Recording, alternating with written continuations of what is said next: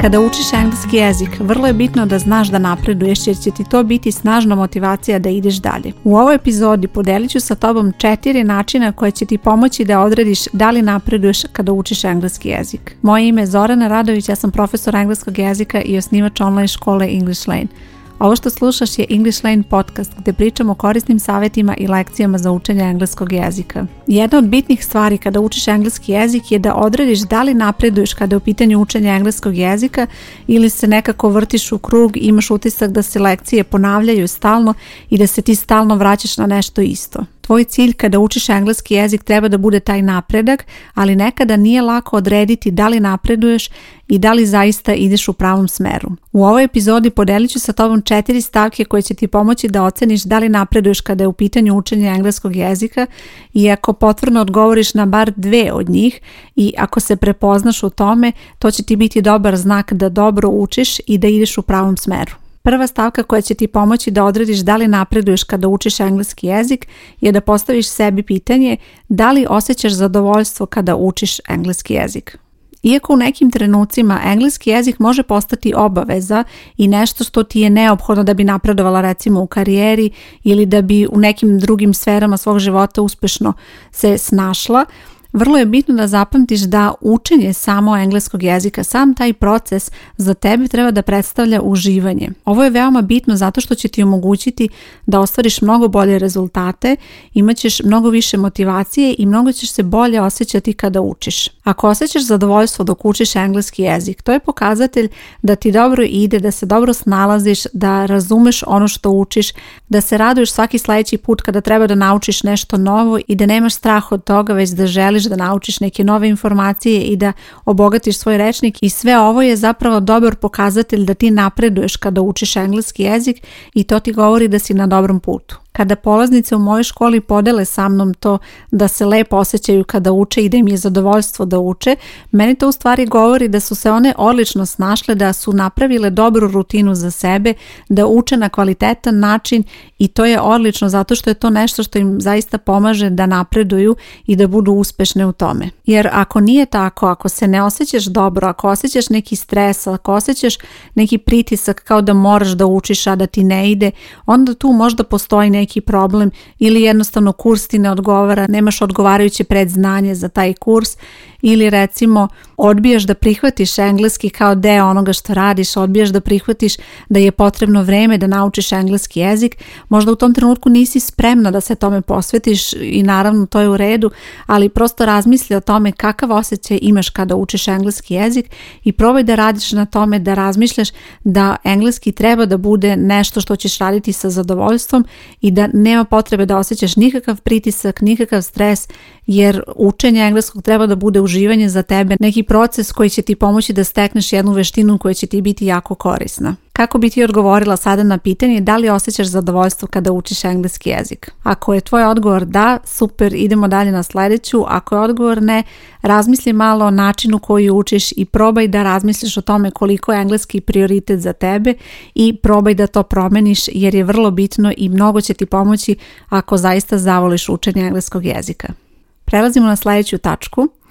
Pitanje glasi da li se bojiš da testiraš sebe kada je u pitanju tvoje znanje engleskog jezika? testovi, odnosno testiranje, provere znanja, sve to ima nekako negativnu konotaciju i niko ne voli kada dolazi u tu situaciju da ga neko proverava, ali imaju vidu da kada učiš engleski jezik, vrlo je bitno da testiraš sebe u smislu da umeš da uradiš neka vežbanja i da proveriš da li si to dobro uradila, zašto nešto nisi uradila dobro, da recimo uradiš neki zadatak pa da se vratiš da vidiš da li si to dobro uradila, šta bi mogla bolje da uradiš i tako dalje, jer na taj način ti stalno sebe dovodiš u situaciju da koristiš engleski jezik to je prvo. A drugo, dovodiš sebe u situaciju da proveriš ono što si naučila, da vidiš da li si to dobro naučila.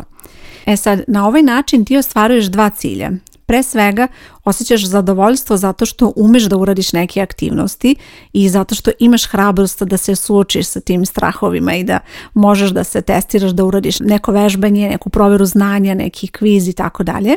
A sa druge strane, imaš priliku da vidiš odmah kako napreduješ i da li moraš da se vratiš da nešto obnoviš. Jer vidi, ako osjećaš strah da se suočiš sa tim testovima i proverama znanja, tu verovatno postoji opravdanje nekoj iza tog straha. Jednostavno osjećaš strah zato što si nesigurno u svoje znanje. Osjećaš strah možda zato što nisi nešto dobro naučila, zato što si možda nešto preskočila, nešto si uradila na brzinu neku lekciju i onda je sasvim očekivano da osjećaš taj strah. Ali to je zapravo pokazatelj da onda ne ideš u dobrom smeru. Dakle, ako imaš taj strah i ako osjećaš toliko nesigurnosti kada je u pitanju tvoje znanje i ako se bojiš tih testova, onda jednostavno to ne ide u dobrom smeru i moraš da malo promeniš tvoj pristup, tvoj način razmišljanja kada je u pitanju ta provera znanja, kada je u pitanju testiranje i da shvatiš da je to sve deo učenja. Ok je da osjećaš neku nelagodnost kada treba da uradiš test i da malo onako imaš tremu prosto kada treba da upotrebiš engleski jezik, to će se posebno dešavati kada je recimo u pitanju konverzacija jer konverzacija je zapravo provjera on sve ono što si naučila treba da upotrebiš u konverzaciji i sasvim je očekivano da to bude neki izazov za tebe, da osjećaš malo strah, tremu i tako nešto, ali ono što je bitno je da ti ne dozvoliš da te to sputa i da ne dozvoliš sebi da dođeš u situaciju da izbegavaš svaku proveru znanja. Jer ako uhvatiš sebe u situaciji da konstantno izbegavaš provere znanja,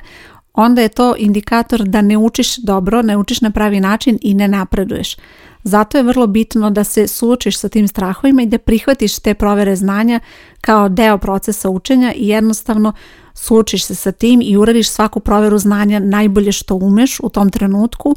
a imaju vidu da svaka provjera znanja, bez obzira da li je test, da li je neki kviz, da li je konverzacija, sve to je napravljeno da tebi pomogne da ti upotrebiš ono što učiš i eventualno primetiš neke propuste na koje ćeš se vratiti da bi onda uspešnije i sigurnije nastavila dalje. Sada se zapita i kako ćeš ti odgovoriti na ovo pitanje, kako se osjećaš kada je pred tobom neki test koji treba da uradiš, da li jedva čekaš takav izazov i želiš da uradiš i da vidiš kako ćeš uraditi, da li ćeš uspjeti da uradiš sve aktivnosti, da li ćeš se dobro snaći, kakav je tvoj odgovor na ovo pitanje. Ako je odgovor da, onda znači da si na dobrom putu i da dobro napreduješ. Ako je odgovor ne, opet probaj da razmisliš malo kako možeš da promeniš taj pristup, kako da se suočiš sa tim strahovima i da se fokusiraš to da učiš engleski na kvalitetan način, jer onda je to nešto što će ti omogućiti da imaš i više hrabrosti kada treba da se suočiš sa provjerama znanja. Do sada smo imali dva ova pitanja iako si na oba pitanja odgovorila potvrno, to je znak da dobro napreduješ i vjerovatno će i tvoj odgovor biti i na naredna dva potvrdan, ali nastavi da slušaš dalje i da proveriš da li zaista dobro napreduješ kada učiš engleski jezik. Dolazimo do treće tačke i ovdje želim da ti postavim pitanje da li imaš jasan trag svog napretka, odnosno da li imaš mogućnost da obratiš pažnju kako si napredovala kada je u pitanju učenja engleskog jezika. Odmah ću ti dati primjer kako možeš to da izvedeš. Recimo, ako pohađaš neki kurs i recimo uradiš zadatak na početku kursa i uradiš sličan zadatak na kraju kursa, ti bi trebalo da vidiš napredak i da vidiš kako su se rečenice menjale i kako su postajale složenije nakon što si učila. Umjesto zadatka pisanja to može biti i zadatak gdje ćeš odgovarati na neka pitanja i recimo usmeno snimiti sebe kako pričaš na engleskom, a onda posle nekog izvesnog perioda kada završiš taj kurs ili kad završiš nekoliko kurseva, kada prođe izvestan period možeš da uradiš ponovo sličan zadatak i da odmah primjetiš kako si napredovala i kako se menja način na koji se izražavaš na engleskom jeziku. Ovakvi tragovi napretka su najbolja motivacija za nekoga ko uči engleski jezik, jer samo zamisli kakav je to osjećaj kada možeš bukvalno da se vratiš kroz vreme i čuješ sebe kako si pričala engleski pre par meseci ili kako si uradila neke zadatke, a kako to možeš da uradiš sada i kakav je to napredak koji si ostvarila. Ovakve stvari pružaju jasan trag koliko si napredovala kada je u pitanju učenja engleskog jezika i ovo je nešto što bi trebalo da uradiš bez obzira koji način učenja engleskog izabereš, bez obzira na koji način učiš engleski jezik, imaju vidu da ovakvi tragovi tebi mogu biti lična neka motivacija i odlična su prilika da vidiš kako napreduješ i zato probaj da ih primeniš ako već ne koristiš to do sada i ako već nemaš priliku da pratiš svoj napredak na takav način, probaj da praviš te tragove, probaj da uradiš sada neki zadatak pa kada učiš engleski jezik za par mjeseci ponovo uradi sličan zadatak, snimi sebe kako pričaš nešto na engleskom jeziku jer sve ovo će ti pomoći da vidiš jasno kako napreduješ, kako vreme prolazi i kako ti ulažeš to vreme da učiš engleski kvalitetno. Ako si polaznica moje škole, daću ti jedan zanimljiv zadatak. Vrati se na aktivnosti koje si već radila, na zadatke koje si već slala i probaj da pogledaš kakve su rečenice koje si tada pisala, kakav je bio izgovor, kako si se snalazila, koliko sigurno si zvučala kada si pričala na engleskom jeziku, a pogledaj kakva je situacija sada. Dakle, pogledaj neki od zadataka koje si poslala možda protekle nedelje i onda probaj da uporediš i da vidiš kako napreduješ i da li se snalaziš dobro i verovatno ćeš se iznenaditi kada uporediš sve to i kada vidiš koliko si zapravo napredovala. Ako ne učiš engleski u mojoj školi, probaj sama da napraviš ovakve tragove, snimi sebe kako pričaš na engleskom, uradi neke zadatke pisanja i onda se kroz par meseci vrati da vidiš kako napreduješ i da li sada možeš da uradiš sve to sa mnogo više sigurnosti. I sada da se vratimo na pitanje da li imaš mogućnost da pratiš svoj napredak. Ako pratiš te tragove i ako imaš mogućnost da uporediš kako je tvoje znanje izgledalo pre par mjeseci ili par godina, kako izgleda sada i ako tu vidiš napredak i ako vidiš da ide na bolje, onda je to siguran znak da si na dobrom putu, da si potvrno odgovorila na ovo pitanje i da zaista napreduješ kada je u pitanju učenja engleskog jezika. Ovdje bih još samo dodala da kada je u pitanju napredak, nikada nemoj da se porediš sa drugima jer jednostavno napredak je veoma individualan i nešto što je tipično za tebe. Ne mogu svi da napreduju na isti način i ne mogu svi da uče istim tempom i ne mogu na isti način da savladaju sve lekcije. Nekome je potrebno više obnavljanja za neke stvari, nekome je potrebno više vežbe za neke stvari i to je sve individualno, ali dok god ti primećuješ napredak kod sebe, to je onda dobar znak. I dolazimo do četvrte situacije gdje ću ti postaviti pitanje da li si nekada bila u situaciji da iznenadiš samo sebe kada je u pitanju tvoje znanje engleskog jezika. Za mene kao profesor engleskog jezika i nekoga ko pomaže drugima da nauče engleski jezik, ovakva povratna informacija je nešto što je zaista neprocenjivo zato što mi govori koliko su u stvari polaznice ponosne na same sebe, jer koliko god naravno imaju moju pomoć, i dosta toga potiče od njih. One su te koje su uložile trud i uspele da savladaju sve prepreke kada je u pitanju učenja engleskog jezika i onda uspeju da iznenade same sebe koliko mogu da upotrebe engleski jezik u raznim situacijama u stvarnom životu, a da zapravo nisu nikad ni razmišljale o tome da li bi bile u toj situaciji, da li bi smele da se odvaže da pričaju na engleskom, ali jednostavno kad dođeš u situaciju da moraš da pričaš na engleskom, onda pričaš naravno najbolje što umeš u tom trenutku i tu zapravo pokažeš sve ono što znaš. Dobijela sam čak poruke od polaznica koje ne samo da su bile u situaciji da moraju da upotrebe engleski jezik, i onda su se zaista odlično snašle i bile su zadovoljne što su to uspjele, već su imale izbor, mogle su da izaberu da li će se snaći u toj situaciji, da li će prihvatiti izazov i komunicirati na engleskom ili će se povući i ustupiti to mesto nekom drugom i izabrale su da budu hrabre i da one budu te koje će učestvovati u konverzaciji, koje će rešiti neki problem i na taj način pokazati i sebi i drugima da zaista se dobro snalaze i da znaju engleski jezik i da mogu da ga upotrebe u takvim situacijama. Moje pitanje za tebe je da li si nekada bila u takvoj situaciji da si recimo pomogla nekome na ulici tako što si odgovorila na neko pitanje na engleskom jeziku ili si recimo uspjela da odgovoriš na e-mail na engleskom ili si na poslu prihvatila razgovor i obavila razgovor na engleskom, jer to je nešto što tebi pokazuje da iako ti učiš engleski jezik, zapravo ti se spremaš za te situacije koje su u stvarnom životu i kada ćeš morati da koristiš sve ono što znaš. Ovakve situacije su odlična provera da vidiš sve ono što si učila i da prosto sve to se onako slegne i sumira i onda ispliva ono sve najbolje što si naučila. Iako ponekad dok učiš, ti nemaš tu svest o tome da li si zaista napredovala, koliko si napredovala i koliko bi mogla zaista da se snađeš u takvim situacijama, ali kada jesi u takvoj situaciji, kada moraš da pričaš na engleskom, kada nemaš nikakve lekcije pred sobom, ne koristiš rečnik, ne gledaš u neka rešenja, ne radiš vežbanja,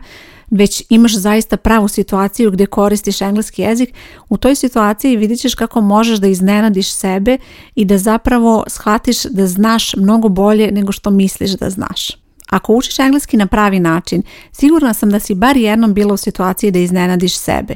i to ne mora da bude nešto veliko poput eto situacije da držiš prezentaciju na engleskom jeziku pred kolegama. Recimo gledala si neki film na engleskom i si prepoznala neku rečenicu i znala si kako se to koristi, odmah si razumela o čemu se radi ili recimo uspjela si da ispratiš neki recept na engleskom jeziku bez ikakvog prevođenja, bez ikakvih dodatnih informacija, ceo recept si razumela. Dakle, takve neke sitne stvari u stvari tebi pokazuju da ti dobro napreduješ